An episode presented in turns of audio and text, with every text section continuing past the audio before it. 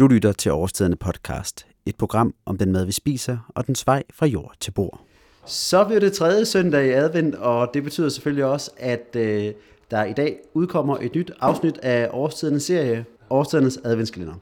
Og denne gang, der skal det handle om øh, noget så jovialt og hyggeligt som øh, julefrokosten, som koncept, og vi skal også ud og møde metafysiske væsener, såsom nisser og ånder. Og det skal også handle om øh, juleøl, fordi hvordan skal sådan en juleøl egentlig smage? Til at finde ud af, eller få svar på det spørgsmål, der har vi Per Kølster med i dag, som, øh, altså, han er mange ting, men han er primært i dag ølbrygger og manden bag Kølsters øl. Og Magnus, du er selvfølgelig også med, som du plejer. Jeg er også med stadigvæk, ja. Og kan du ikke prøve at fortælle, hvad det er, du skal bidrage med, ud over sådan det sædvanlige gode humør og julestemning? Altså, jeg skal jo... Øh, altså, øl, øh, juleøl er jo fuldstændig obligatorisk for en fornuftig jul. Altså, man kan jo ikke forestille sig en jul uden et godt glas øl. Øhm, og snaps for den til skyld. Og til lige præcis de to ting, synes jeg jo, at der er en ting, der, der egner sig særdeles godt. Og det er jo et solidt stykke rugbrød med et stykke dejlig julesild til, ikke? Lige præcis, for vi lavede jo øh, sild i sidste uge. Det er det. Det er jo en uge siden, præcis en uge siden, at vi har, øh, at vi har lavet vores sild. Og altså, nu burde den jo være spiseklar, ikke? Så det er jo meget spændende. Det er jo lidt som at åbne sådan en lille, en lille gave af guf. Ja. Ikke? Jo, jo, fuldstændig. Det er helt perfekt. Så det, det, det, det bidrager jeg med. Ja, det, bid- det bidrager du med i dag, og, og det- den anretter du imens, at, øh, at Pierre og jeg, vi får snakket lidt om øh, den her juleøl, som vi skal handle om i dag. Vi skal dog også lige, bare lige for at få sat scenen, hvor er vi henne? Altså, vi sidder jo simpelthen nede i øh, en eller anden form for krybekælder i øh, Kølster, altså i Pers øh, bryggeri her, imellem store lærkrukker og gamle vinfade, eller hvad det nu er, der har været i gamle dage. Så det, vi sidder her, vi kan ikke stå oprejst, der er oplyst af stearin med ild i, og i det hele taget en ret solid stemning, vil jeg sige. Ja, det må man sige. Og det bobler og syder, ikke? Det er jo gammel mejeri. Det er jo gammel ostekælder. Ja, det er jo selvfølgelig det Ikke? der. Det er jo klinker på gulvet og kalkede vægge, og, og nu er det blevet til et bryggeri i stedet for mejeriet. Køerne er væk, men kornet gør øllet nu. Er det fedt. Det kan ikke blive bedre. Nej. Lidt op. Og det er jo, vi skal jo tænde vores adventskalender, og der kommer vi jo tilbage. Det er jo noget, vi gør hver gang. Ja. Eller ikke adventskalender, undskyld, adventskrans, ja. Øh, og det, er jo, det gør vi jo hver gang, men øh, og så alligevel, så går der alligevel lidt kage i det. Ja, altså, og igen må jeg jo øh, impo- øh, lade mig imponere over, at du ikke vælger, at vi skal, at vi skal prøve at narre øh, lytterne lidt. Ikke? Altså, vi, har jo faktisk en adventskrans, Ja. som din søster møjsommeligt har bundet til os. Ved du, hun kom forbi en dag, så skrev hun, kommer du lige ned på gaden? Jamen, det vil jeg da gerne, nu, når, nu når du er der. Og så stod hun med den flotteste øh, adventskrans, og hun er jo øh, uddannet og pisse dygtig. Laver en så fin adventskrans til os. Men øh, på anden uge lykkedes det mig simpelthen at glemme den og tage den med, så den er ikke kommet... Men man kan sige, at det bliver jo bedre og bedre. Altså første gang, der tændte vi jo bare et, øh, et lys, vi fandt på et bord. Ja, Øh, I, I sidste uge, der tændte vi øh, min øh, adventskrans hjemme ja. i mit køkken. Og nu sidder vi hernede, og nu tænder vi simpelthen et sterinlys, ja. som er javret ned i en ølflaske. Ja. Det er på mange måder jo smukt, og det er, det bliver jo faktisk, nu kan vi lige godt bare køre den helt ud, det er ikke det fjerde lys eller det tredje, det er simpelthen det femte, vi tænder. så det kører bare derud af. Det, øh, ja. Stemningen er sat. ja, detalje har det måske aldrig rigtig sådan lige været. Lige forhold, når vi kommer til adventskransdelen, der, der, hvorfor være perfekt? Altså, Det er lige meget. Ja, jeg håber dog, at i næste uge, den sidste søndag i advent, den fjerde der, Jamen, ansvaret er 100% dit. der håber jeg virkelig, at jeg husker den. Øh, det vil så vise sig, ikke? Det må vi lige se på, om, øh, om det kommer til at ske. Per, du skal have lov til at snakke med os, og ikke bare sidde høfligt og, og lytte. Jamen, jeg sidder og nyder min ølkælder. Så i jeres gode selskab. Jamen altså. Og som jeg tror, jeg fik sagt i indledningen, så er dagens tema jo øh, julefrokosten. Øhm, det overordnede spørgsmål er jo selvfølgelig, vi kan starte med Per næsten. Hvordan har du det med den der julefrokost? Jamen, jeg har det helt vidunderligt med den. Jeg synes, det er noget, der er vist fantastiske. Det er en, et højdepunkt på året. Nu kan man sige, julefrokost, det er der jo gået lidt inflation i. Det er blevet et begreb, som handler om, at man er ude og, og feste og måske gøre uartige ting med sine kollegaer. Øh, Men den oprindelige julefrokost, det er, jo, det er jo dagen efter juleaften, eller eventuelt anden juledag. Og det er der, hvor man slapper af. Man har lagt det hele bag sig. Man har lagt ræset bag sig. Men man får disket op med alt det gode, som køkkenet har præsteret. Og så er man i festhumør. Man er i det der rigtige, nu skal der ske noget. Nu skal vi give den gashumør. juleaften, det er jo højtideligheden. Det er jo, det er jo der, hvor, hvad skal vi sige, hjertet banker, og når det er godt, og når det er dårligt, så er det jo der, hvor det hele brager sammen, ikke? Men julefrokosten er for mig forbundet med et højdepunkt på året, hvor man for alvor fester. Altså, det og nyder, er, og nyder igen. Ja, det, det er saligheden på en eller anden måde. Ikke? Altså, og det handler selvfølgelig meget om maden. Frokosten, det er jo begrebet, det er jo, at man spiser midt på dagen, og at øh, man spiser alle de kolde retter, og man spiser rester, ikke mindst. Og fra gammel tid har det jo været noget med, at man havde slagtet øh, øh, grisen, julegrisen, og det vil sige alle de forskellige fantastiske ting, man lavede af en gris, som var alt fra blodpølsen til rullepølsen og bedisterpølsen, og jeg ved ikke hvad. Alt det, som var ikke særlig holdbart, men som skulle spises i løbet af juledagene. Og det er det, er det der for mig er festen i det. Og selvfølgelig alt det andet, snakken, og man drikker noget øl, og snapsen selvfølgelig, og, og, og så er det jo, at man giver den gas og danser bagefter. Sådan har det altid været i min familie, og det er en vidunderlig tradition. En del af det, vi så, noget af det, vi også har nævnt, det er jo det her med juleølen, som vi skal til at få snakket lidt om, fordi Per er her jo, fordi han jo laver en juleøl, og du skal have lavet sillemad til os. Skal jeg gå i gang med det stille Ja, men først skal du lige introducere det nummer, du har valgt, vi skal høre den her. Ja, det vil jeg gerne. Ja. Altså, det, jeg skal, det skal jo hurtigt siges, at jeg havde jo valgt et andet nummer, og jeg gider ikke engang fortælle, hvad det var, for det betyder ikke noget. Men det er trådt ind her for et øjeblik siden med favnen fuld af silleglas og rugbrød og koldt smør, så kommer jeg ind i det her bryggeri, hvor der ikke er et øje. I var ikke kommet nu. Og så bobler og syder det som et ægte alkymistværksted. Og det er jo klart, hvad vi så skal høre. Vi skal jo selvfølgelig høre, også når vi snakker om tro og det, der er biodynamisk, og der er nogle ting og sager i det, overbevisninger, så skal vi høre alkymisten, alkymistsangen fra Jul på slottet.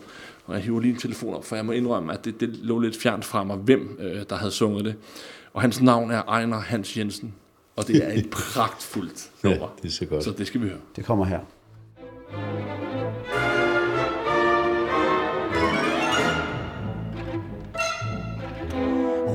græs paneret i et sneglespor Som kan ses ved månelys, hvor sneglen bor Find så en vorte, råd som er borte, så kan du lave guld Ja, hele posen fuld Fang lidt kornmusklans og tag et himmeltegn. Lav et afkog i en afkrog af en egen. Sig så disse ord med dit blik mod nord. Og med sippe med troller, der kan tippes op.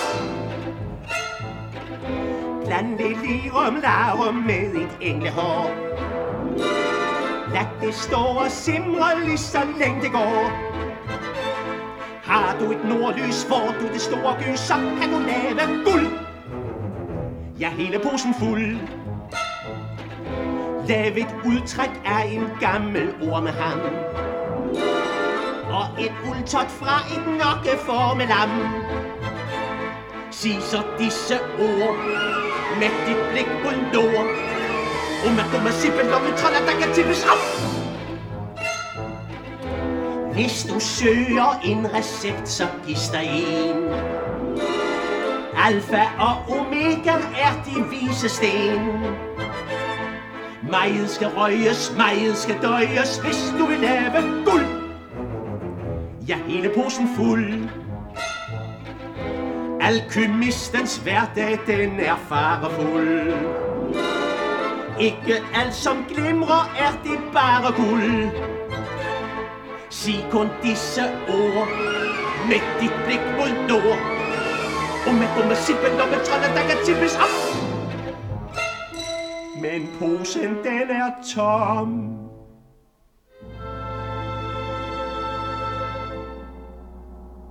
For mig er det jule der. Og så har du fuldstændig ret i, at du rammer stemningen hernede jeg ved ikke, om man kan høre det runger på den endelige udsendelse, men det gør det hernede, hvor vi sidder.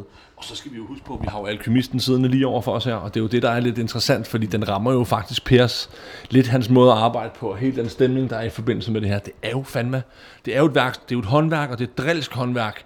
Man leger hernede. Jeg sidder og kigger på de her fantastiske krukker her, hvor der står alt muligt. Der hænger alt muligt, rønnebær og honning, og jeg ved ikke hvad, drueskal og alt muligt. Det er jo, det er jo et alkymistværksted, vi sidder i. Så den kan ikke sidde, den kan ikke sidde mere spot on, Mads. Jamen lad os så spørge ham der, alkemisten der, Per. Kan du ikke starte med sådan lidt halvgenerelt? og fortælle os om de her juleøl. Jo, men altså jul, det, julet er jo, det er jo indbegrebet af, af øl. Altså, det er det jo i vores del af verden. Og det handler jo om, at man har jo brygget løbende. Og øh, når man bryggede undervejs, så øh, tog man altid øh, noget af det, det, den, det, der hed den stærke urt. Altså det første, der løber fra, når man brygger, det er det mest sukkerholdige, og det vil sige, når det gærer, så er der også det, der kan få den højeste alkoholprocent. Det kan man også gemmeølet. Og det gemmeøl, det har jo været det, som man så har lagret og, og passet på, indtil der var en højtid. Og det har jo været, typisk været, været julen, eller det kunne også være et bryllup, eller det kunne være påsken eller sådan noget. Men øh, julen, den fik jo så sin særlige karakter, fordi man lavede lidt mørkere øl, kraftigere øl, og øh, så har man jo naturligvis brugt krydderier. Og den historie, den, er, den fortaber sig altså i noget, som formentlig har noget at gøre med, øh, med klosterverdenen, altså med, med øh, munkene, som jo var en del af en øh, kultur, hvor de var lige så meget læger, som de var alt muligt andet. Og øh, man skældnede ikke i middelalderen særlig meget imellem, om noget var mad eller medicin. Og det vil sige, at man lavede øl, som var beregnet til at være stærkt og nærende og sundt. Og når noget var sundt, så var det også, så tilsatte man ting. Man brugte alle mulige urter, og så har man selvfølgelig brugt det, der var det allerfornemmeste. Og det var de krydderier, som man importerede. Krydderierne som øh, kanel og nilke og allehånde og muskat og øh, koriander og så videre. De der ting, som vi forbinder med, med julekagerne, Øhm, øh, med ja, for eksempel risengrøden, der er jo kanel på, ikke? Øh, alt det der, det stammer fra den der sådan fuldstændig, hvad skal vi sige, overklasse og højtid, og der, hvor det var dyrt, og der, hvor det var særlig fint. Og det har jo naturligt været naturligt, at man så brugte det i øllet også, fordi det, det gav det sådan den der særlige kraft. Mange af de der krydderier er jo mere end krydderier. De kan noget. De har nogle egenskaber på en måde, som, som har været øh, vigtige i forhold til at forstå sådan, øh, hvordan man helbreder ting og sager. Ikke? Det er en lang historie, kan man sige. Ikke? Men på den måde er der så noget alkymi over det her. Der er det der med recepten, ikke? At, man, at man laver altså en opskrift, som er, er særlig øh, nærende, eller særlig stærk, eller særlig sund og så videre. Så det er julebryggets historie, det er, at den har den der vinkel.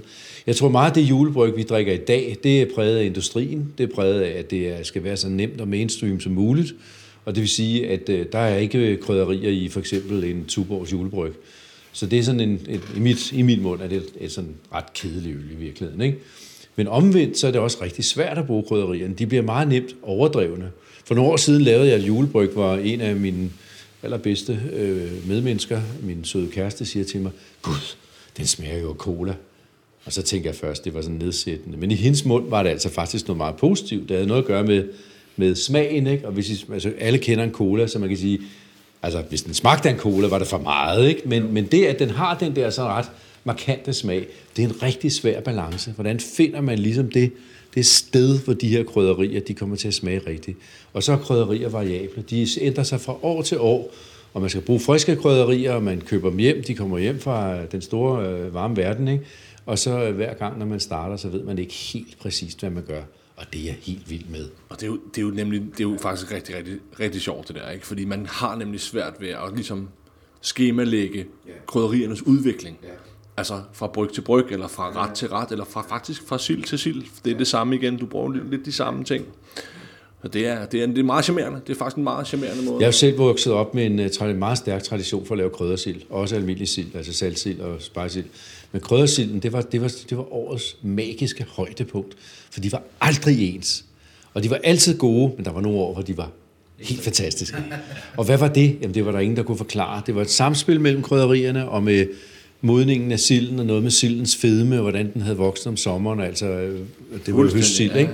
Og det er helt fantastisk, det der. Og vidunderligt, at ting ikke er ens. Ja, for søren. Kunne du ikke, du har jo siddet og lavet, mens Per har fortalt, så har du lavet en sillemad til os. Ja, det har vi. Skal vi ikke have den, imens... Øh, jeg... Ej, altså, altså, ikke mere lærlæggende, at vi snart får et glas øl.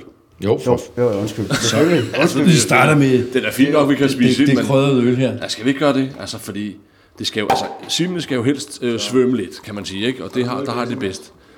Og, øh, og nu skal vi jo ikke drikke snaps i dag, og derfor skal vi selvfølgelig have øl. Desværre.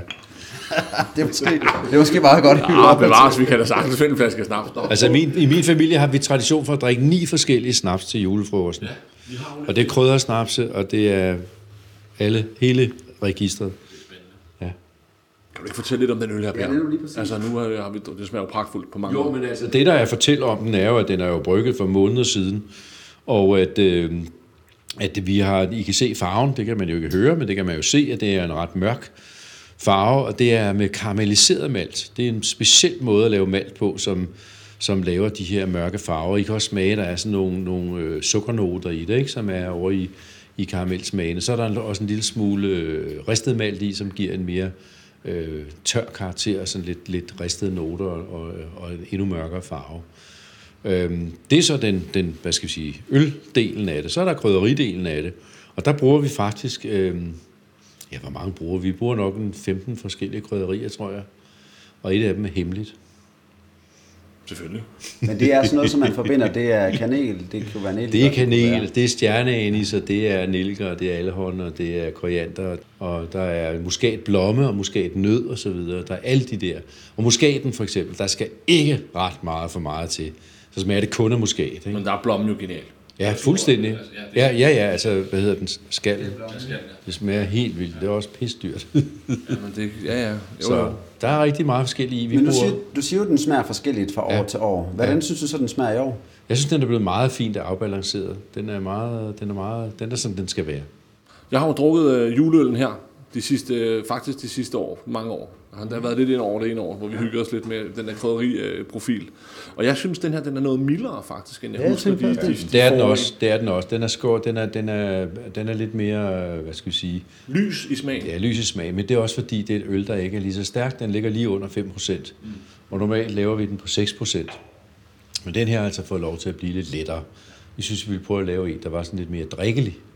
Men øh, jeg tror, for at jeg skal være ærlig over for mit eget produkt, altså klæder det krydderierne, at det er en lidt stærkere øl. Altså omkring 6%. Ja, Jamen, det smager dejligt. Det smager virkelig dejligt. Den er læskende og er fin. meget- Den er ja. meget let på den måde, ikke?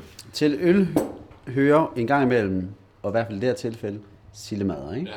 Altså, vi har jo ikke smagt på den endnu, og bevares, hvis jeg også skal være ærlig over for mit produkt, så vil det også klæde den her garanteret at ligge et par uger mere, før den sidder helt som den skal. Ja. Men øh, jeg synes, vi skal prøve. Den er jo lavet Hvor længe, på har, hvor længe har den modnet? En uge. Ja. Nå, men altså, den er modnet altså, i salt i 12 måneder. Den er Ja, ja, ja. lavet på klassiske spice. Okay.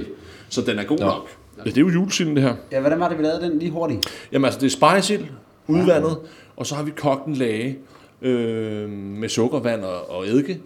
Og den er ikke så sød, som man kender sild. Den er holdt, så man kan smage øh, saltsilden, og man kan mærke bidet. Har Og så- tørheden i bidet. Det er det, altså. Mm.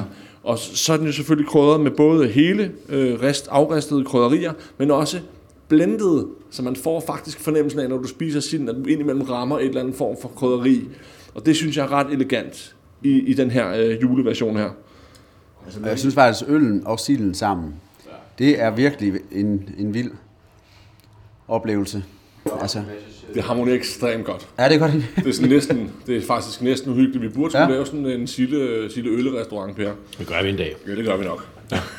Noget, der er særligt ved den her øl, Per, det er jo, at hvis man, øh, ja, hvis man ser den forfra, så har den jo et, øh, en etikette, som, øh, som en hver anden øl har. Hvis man vender den 90 grader, så står der et lille klistermærke, som hedder Demeter, eller hvor der står Demeter på. Den er Demeter. Hvad vil det sige? Altså kort fortalt, så betyder det jo, at den er godkendt og kontrolleret af Demeter-systemet. Og Demeter, det dækker over den antroposofiske verdens øh, måde at, at lave regler for, hvordan man skal drive landbrug. Og det er økologi i udgangspunktet, og så er det noget mere end økologi på den måde, at øh, når man dyrker, øh, når man dyrker sit korn, i det her tilfælde er det jo kornet især, øh, som er brugt til at lave malt af. Når man dyrker det efter Demeter-reglerne, så bruger man også nogle midler, som man kalder præparater, som man sprøjter ud over afgrøderne, og som er noget, man, ja, hvad skal vi sige, ikke kunne drømme om at bruge i en normal øh, landbrugsmæssig sammenhæng, fordi det formålet med at bruge dem, det er, at man forstærker nogle kræfter omkring, hvordan planter trives. Mm. Og det er, i en, det, det er i en forklaringsverden, som ikke tilhører den normale naturvidenskabelige måde at tænke på. Det tilhører ligesom en verden af at øh, prøve at forstå, at der er noget mere imellem himmel og jord. Og det der mellem himmel og jord, det har vi jo alle sammen en eller anden fornemmelse af på en eller anden led. Ikke? Altså, selvfølgelig er der noget mere mellem himmel og jord, men hvad er det for noget? Ja. Og det kan man sådan grine lidt af, og naturvidenskaben kan jo ikke rigtig forholde sig til det, eller har ikke kunnet. For jeg tror du nok, at naturvidenskaben er mere og mere på vej ind i at kunne forholde sig til, hvad det egentlig er, det der mm. og selve, underlige. Og selve anerkendelsen af, at de måske ikke kan forklare alt. Ja. ja, fordi det interessante er, at øh, den biodynamiske verden, som altså er Demeter godkendt, ikke? Den, den øh, har en, øh, en, øh, hvad skal jeg sige, man har en erfaring med den, at man er faktisk sindssygt dygtig til at lave nogle fantastiske kvalitetsprodukter. Og det vil sige, der er altså noget, som, som manifesterer sig i, hvad det vil sige at spise tingene og opleve dem og nyde dem osv. Og der er også masser af erfaringer omkring, at planter trives øh, på en anden og på en bedre måde osv., end, end hvis de ikke har fået de her præparater. Men det er rigtig svært at forholde sig til. Hvorfor har I valgt, hvorfor har det været vigtigt for jer at få lavet en uh, Demeter godkendt? Vi er på en gård, der er Demeter godkendt. Og vi producerer vores egen råvarer. Altså selvfølgelig ikke de der tropiske krydderier, der kommer ud fra Indonesien og omegn, ikke? Men, øhm, men vores øh, korn, som bliver brugt til malten, det bliver jo maltet her i vores malteri. Og derfor er det naturligt, at vi gør det. Og der er jo en stor verden faktisk, som er meget optaget af det her. Inden for vinens verden, der bliver de øh, Demeter-godkendte vine betragtes som nogle af de allerbedste. Og hvorfor ikke lægge os op af det? Det synes jeg er naturligt for os. Det er naturligt, fordi vi er en del af den her gård. Det er også naturligt i forhold til at være en del af det marked, som virkelig værdsætter en, en øh, særlig hvad skal jeg sige, præstation omkring kvalitet. Men så har jeg det også personligt sådan, at jeg er fascineret af det. Jeg er fascineret af, at der er noget her, som et rigtig stor verden beskæftiger sig med, og er optaget af, selvom det ikke er noget, man, man sådan kan sætte på formel på den måde. Det er fascinerende, at der er en, en, en, øh, en filosofi omkring det, kan man sige, som, som forklarer og, og, og kan ligesom begrunde, hvorfor man gør det. Og jeg kan jo heller, jeg er jo heller ikke atomforsker, vel, så jeg kan jo heller ikke forstå, hvad, hvad, hvad, hvad hedder det, atomfysikken siger om, om den naturvidenskabelige verden. Og på samme måde gør jeg mig heller ikke nogen illusioner om, at jeg kan forstå, hvordan øh, Rudolf Steiner, som er filosofen bag antroposofien, hvordan han har kunne forklare de her ting. Men derfor kan jeg godt anerkende, at der er noget, og der er nogle, nogle øh, resultater af det, som jeg synes virker meget overbevisende. Og med det så ligger vi øh, meget fint op til det klip, vi skal høre nu her, fordi jeg har talt med Claus Lør, som er, jamen han er faktisk, øh, hvad skal man sige, lidt din øh, pendant, øh, Per. Altså du er formand for Økologisk Landsforening, han er formand for biodynamisk øh, landbrug i Danmark. Og øh, ham har jeg mødtes med, så vi kan få den helt perfekte, præcise forklaring af, hvad det her biodynamiske landbrug, det er for noget. Altså hvis man sådan lige kort skal sige, hvad biodynamisk er, øh, ofte i relation til økologisk, det er jo tit den øh, situation, man bliver spurgt om, hvad er så forskellen? Og øh, øh, det ligger over eller ved siden af de økologiske regler. Øh, det er også vigtigt at sige, at alle biodynamikere, de også skal være økologisk godkendt. Så man skal være opfylde alle økologiregler, og det gælder både landmænd, det gælder også virksomheder, som laver økologiske produkter og biodynamiske produkter. Så det er et regelsæt, som ligger øh, ud over, på flere områder ud over de økologiske regler. Og der er en instans, som kontrollerer landmændene en gang om året, hvad man er tilmeldt, eller virksomheder. Det kan være slagterier, bagerier og møllerier osv. Og hvad kunne det sådan i praksis være, man, øh, man gik ind og kiggede på? For landbrug så er det måske vigtigste er, at øh, vi ser et landbrug som en, en levende organisme. En organisme, som skal have mange forskellige funktioner, mange forskellige organer, kan man sige. Og nogle af de vigtige organer, det er, det er husdyr. Det er meget vigtigt i det biodynamiske, at vi har alle øh, fire riger med. Vi har mineralriget, som jo er, er jord og muld og de ting, der er i jorden. Vi har planteriget med alle dens forskellige vækster, og vi har også dyreriget, som både er husdyr, og selvfølgelig også vilde dyr i forhold til fugle og insekter osv., og, og så menneskeriget, os der har med landbrug at gøre. Så vi er meget opmærksom på, at de ting skal hænge sammen. Og øh, derfor så er der krav om, at der skal være husdyr. Og specielt skal der øh, være dragtykkere, altså det er, det er køer, det er kvæg, det er får, det er geder, øh, fordi de har en særlig omsætningsproces, de har en særlig fordøjelse, som giver en rigtig værdifuld gødning men gerne mange forskellige eller flere forskellige slags husdyr. Øh, så det, det element af dyreriet er vigtigt i forhold til balancen mellem mineraler, planter, dyr, mennesker og den frugtbarhed, som, som dyrene er med til at skabe. øh, i kraft af deres gødning, i kraft af deres tilstedeværelse, og også i kraft af deres øh, afgræsning, deres foderbehov, som øh, er med til at præge et tidsskifte på en gård. Der er jo mange, jeg, som jeg tror, som netop går efter det metermærket, som er vegetar eller veganer. Og, og for dem kan det måske være lidt overraskende, at man har dyrene med som et krav. Hvorfor er det så vigtigt at, at lige præcis have dyr med? Øh, hvorfor kan man ikke bare have en gård, der udelukkende dyrker korn, eller kartofler, eller gulerødder? Det kan man jo også, hvis man øh, dyrker økologisk, altså planteavlsbedrifter, som ikke har nogen dyr af forskellige grunde.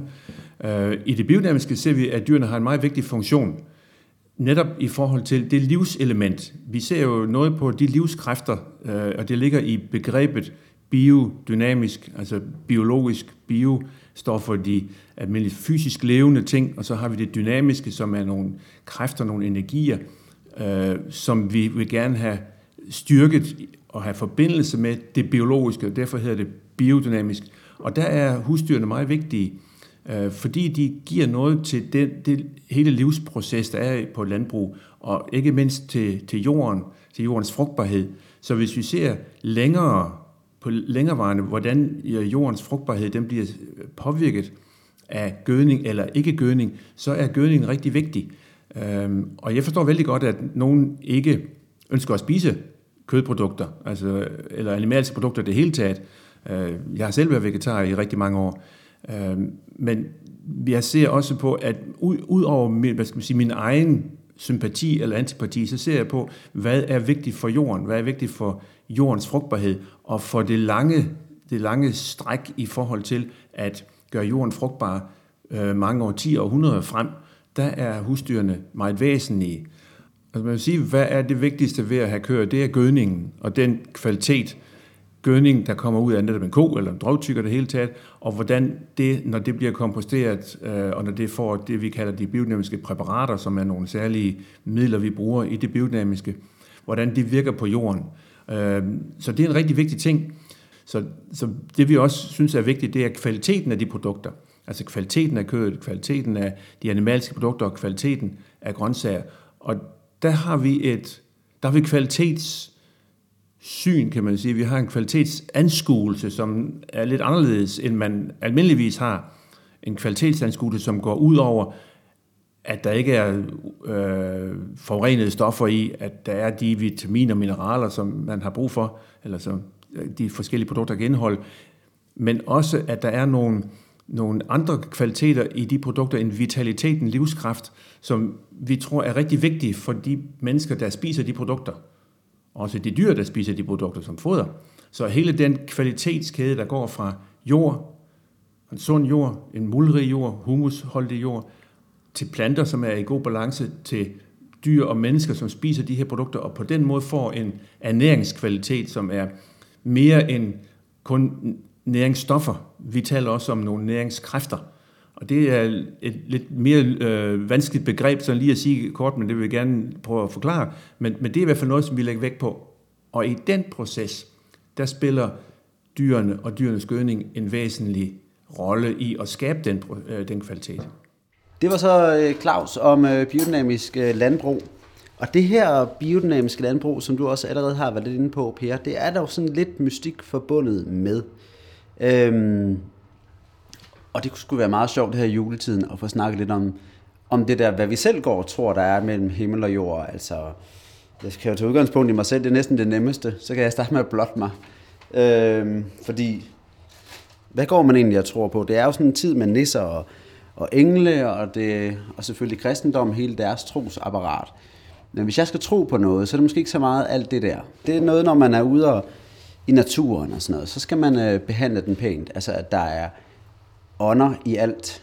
Der er ånder i sten, der er ånder i træer, der er ånder i havet. Og hvis ikke man sådan passer godt på det der, altså respekt over for en sten, eller vandet, eller et træ, så, så, øh, så skal det nok komme en til uheld senere. Jeg tror, det er sådan meget inspireret af sådan, når vi snakker om det alle udsendelser, det grønlandske tro, altså at man, øh, man skal generelt være god ved naturen, fordi den slår dig ihjel, hvis ikke du opfører dig ordentligt. Hvordan synes du, at den balance, den var i sidste uge?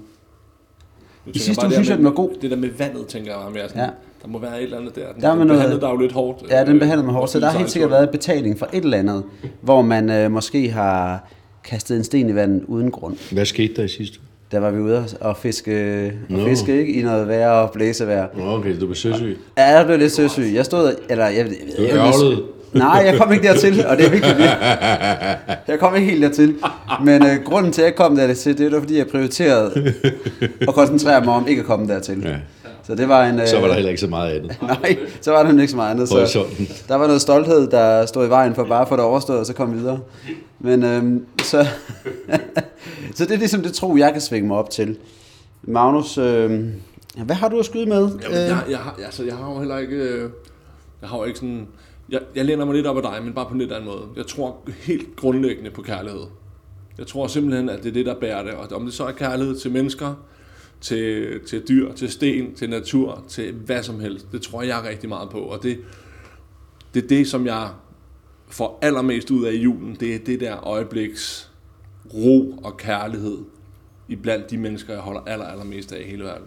Og det, øh, det, er, det er virkelig en fin, altså der er julen bare for mig en rigtig fin måde ligesom at give sig tid og ro til at nyde det øjeblik, som man måske ikke altid helt når i en travl hverdag.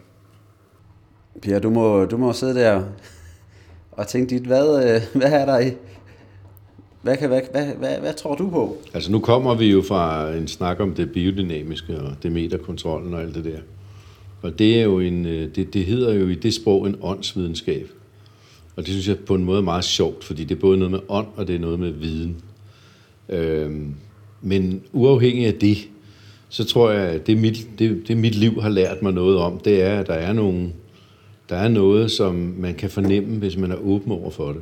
Når man er landmand, så øh, oplever man jo årets gang. Man oplever planterne og jorden og dyrene og naturens øh, gang, kan man sige, øh, vejret og alt det der. Og der er ting, der påvirker en på en måde, hvor man tænker, hvad søren handler det her om? Hvad er det, der sker? Hvad er det for nogle kræfter, man ligesom er en del af, og hvad er det, man mærker? Øh, som er noget større, og noget, der griber en, og som gør, at man føler sig som menneske forbundet med den her natur, og med, med alt det levende, kan man sige. Ikke? Og den dimension, den, den er for mig ikke religiøs. Det er ikke, det er ikke en trosretning, men det er et princip, eller en, en, øh, en, øh, en forståelse, kan man sige, som jeg tror er meget anderledes og meget sværere at komme i kontakt med, hvis man lever i et turbulent byliv, og øh, hvor man hopper op og ned af en metro, og op og ned i elevatorer, og altså hvor, hvor, hvor ens fysiske virkelighed er en helt anden, end den, den er, når man er ude i naturen. Og grundlæggende er vi jo levende væsener. Grundlæggende er vi som mennesker et stykke natur. Vi er dyr.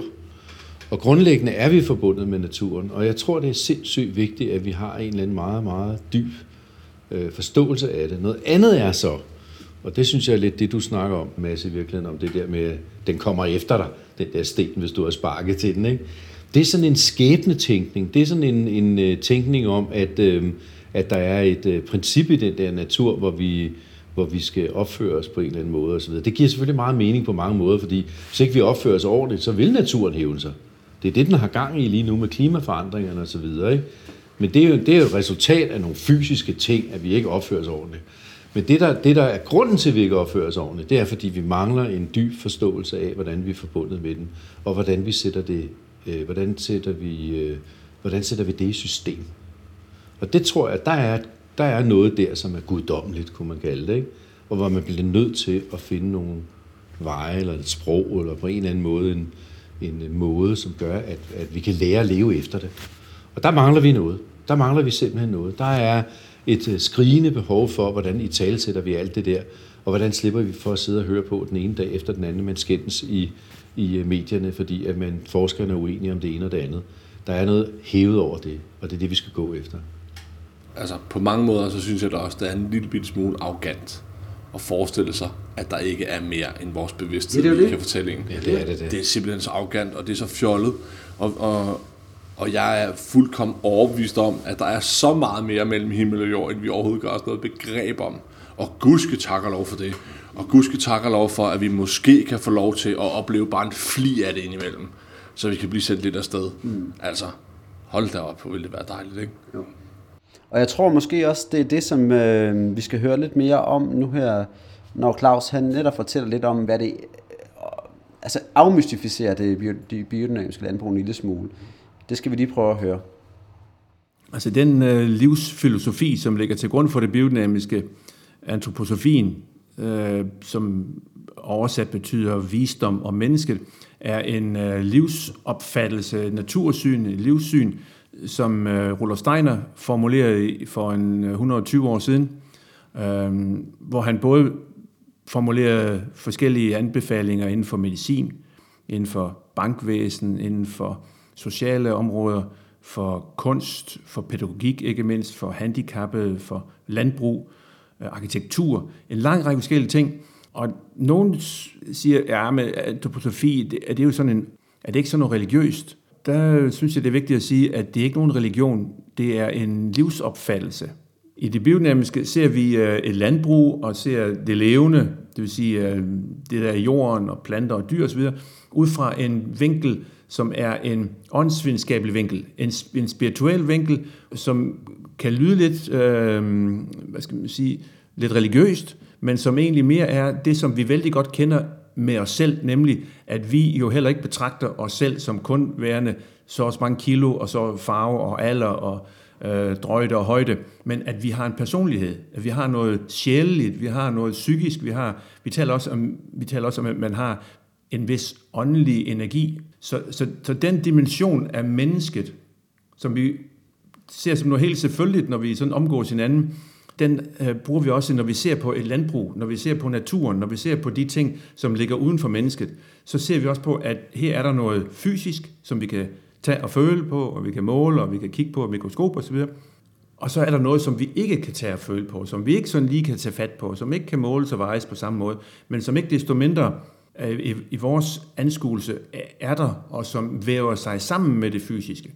Lige så vel som vores psyke og vores sjælelige fornemmelser og følelser væver sig ind i vores fysiske krop.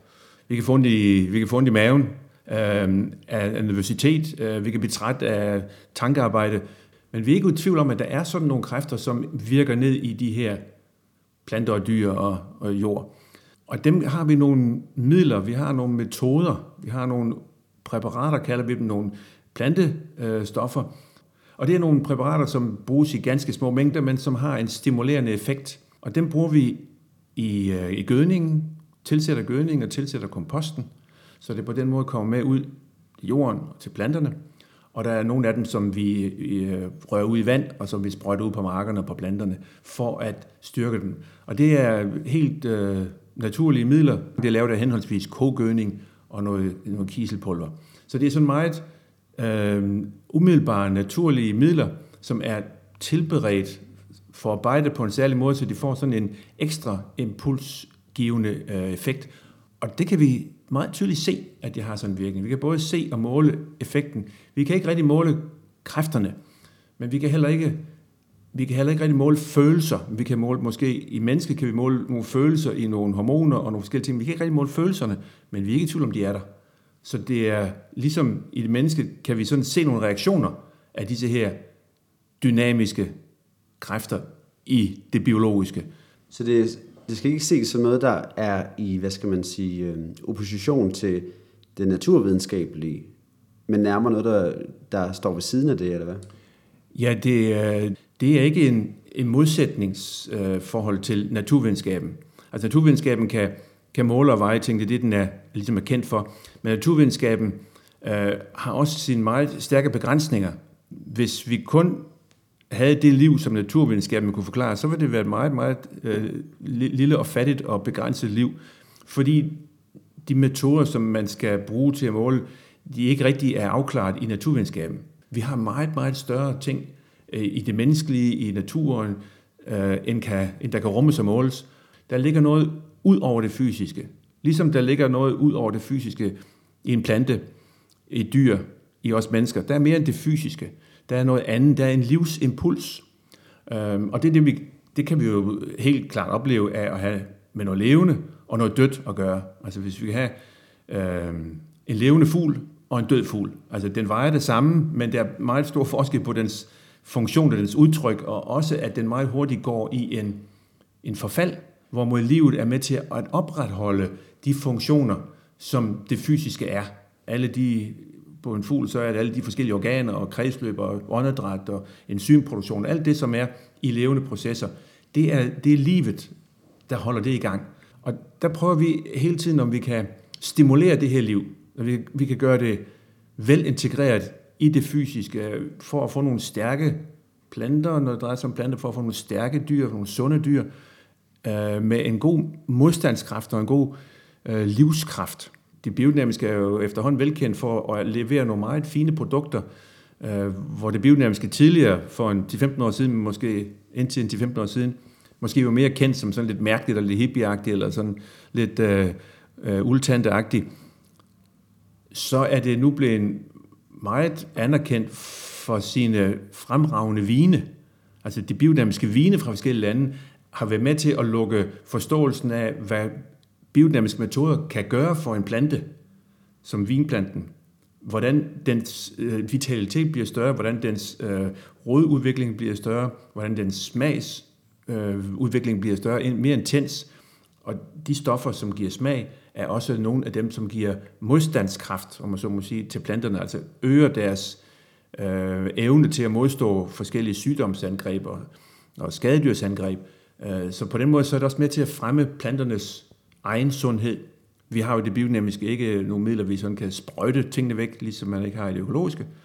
Øh, så det gælder om at dyrke planterne sunde og stærke, og der er de her øh, præparater, de biodynamiske præparater, med til at give en mere, øh, mere livskraftig, mere sådan en, øh, en, en vital øh, produkt, både når det gælder vin, men også når det gælder agurker og tomater og korn og, og gulerødder og rødbeder osv.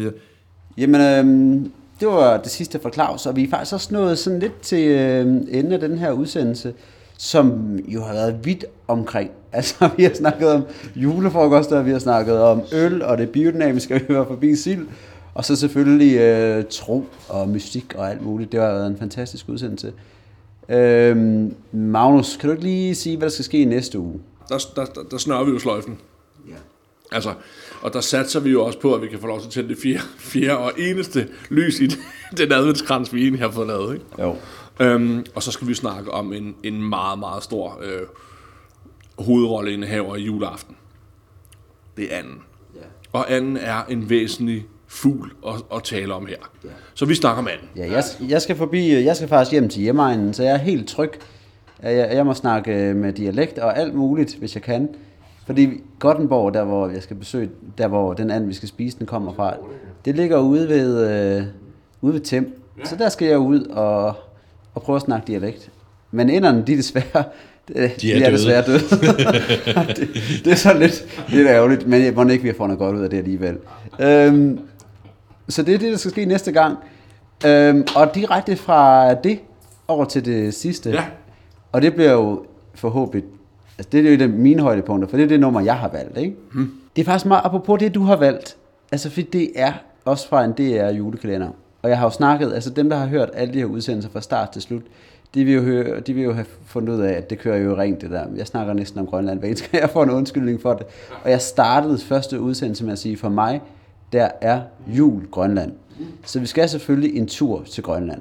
Og vi skal op, Så kom der noget med julemanden alligevel. det gjorde der nemlig. Det gjorde det. Og deroppe, der var der tilbage i 89, der hvor jeg er født, der var der en nisse, der var der en nissebande, Ja, ja. som løb rundt og løste alle mulige problemer. Det ved jeg faktisk reelt, jeg, vidste, ikke- jeg ved ikke rigtig, om de løste nogen problemer, men de havde det godt, og de forvirret. gav et meget fint lille glimt af den grønlandske kultur, og blandt andet det der med hundeslæderne. Så vi skal høre hundeslædesangen, Det er et fantastisk, som er et fantastisk, nummer. Og bare lyden af hundene, det Ja. gør jo, at man får næsten tårer i øjnene, Ja, og vil tilbage igen. Så øh, den slutter vi af på, og det var faktisk det. Så tak for den her gang. Selv tak. Og glædelig tredje søndag i advent. Præcis. Skål. Skål.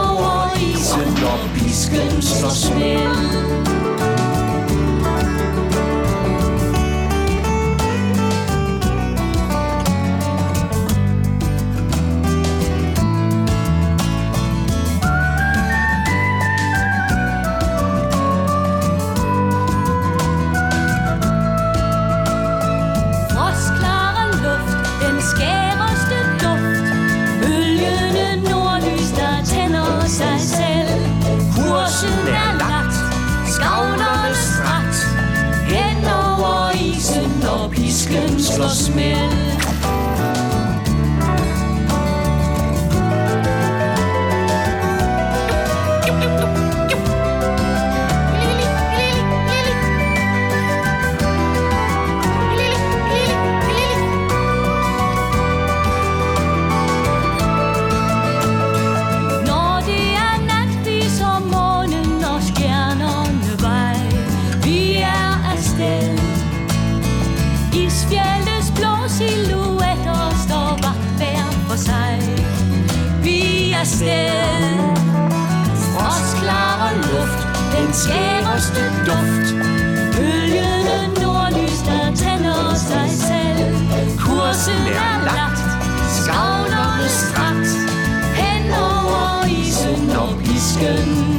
Slås med.